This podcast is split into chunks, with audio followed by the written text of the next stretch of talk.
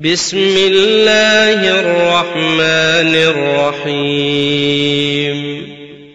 يا أيها الذين آمنوا لا تتخذوا عدوي وعدوكم أولياء تلقون إليهم بالمودة وقد كفروا بما جاءكم من الحق.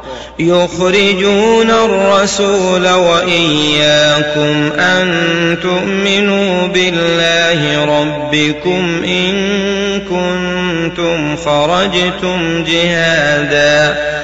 إن كنتم خرجتم جهادا في سبيلي وابتغاء مرضاتي. تسرون إليهم بالمودة وأنا أعلم بما أخفيتم وما أعلنتم ومن يفعله منكم فقد ضل سواء السبيل.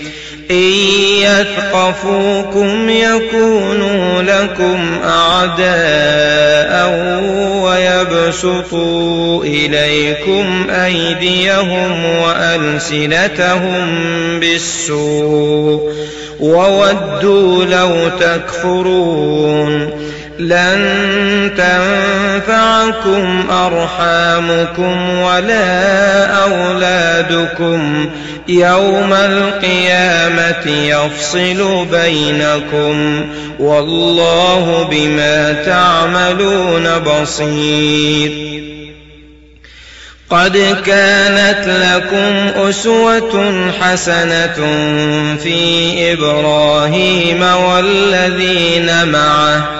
إذ قالوا لقومهم إنا براء منكم ومما تعبدون من دون الله كفرنا بكم وبدا بيننا وبينكم العداوة والبغضاء أبدا حتى تؤمنوا بالله وحده إلا قول إبراهيم لأبيه لأستغفرن لك وما أملك لك من الله من شيء. ربنا عليك توكلنا وإليك أنبنا وإليك المصير.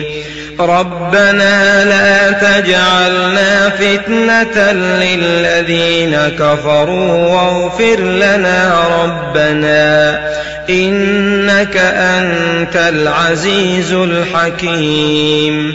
لقد كان لكم فيهم أسوة حسنة لمن كان يرجو الله واليوم الآخر ومن يتول فإن الله هو الغني الحميد. عسى الله أن يجعل بينكم وبين الذين عاديتم منهم مودة والله قدير والله غفور رحيم. لا ينهاكم الله عن الذين لم يقاتلوكم في الدين ولم يخرجوكم من دياركم أن تبروهم أن تبروهم وتقسطوا إليهم. إن الله يحب المقسطين.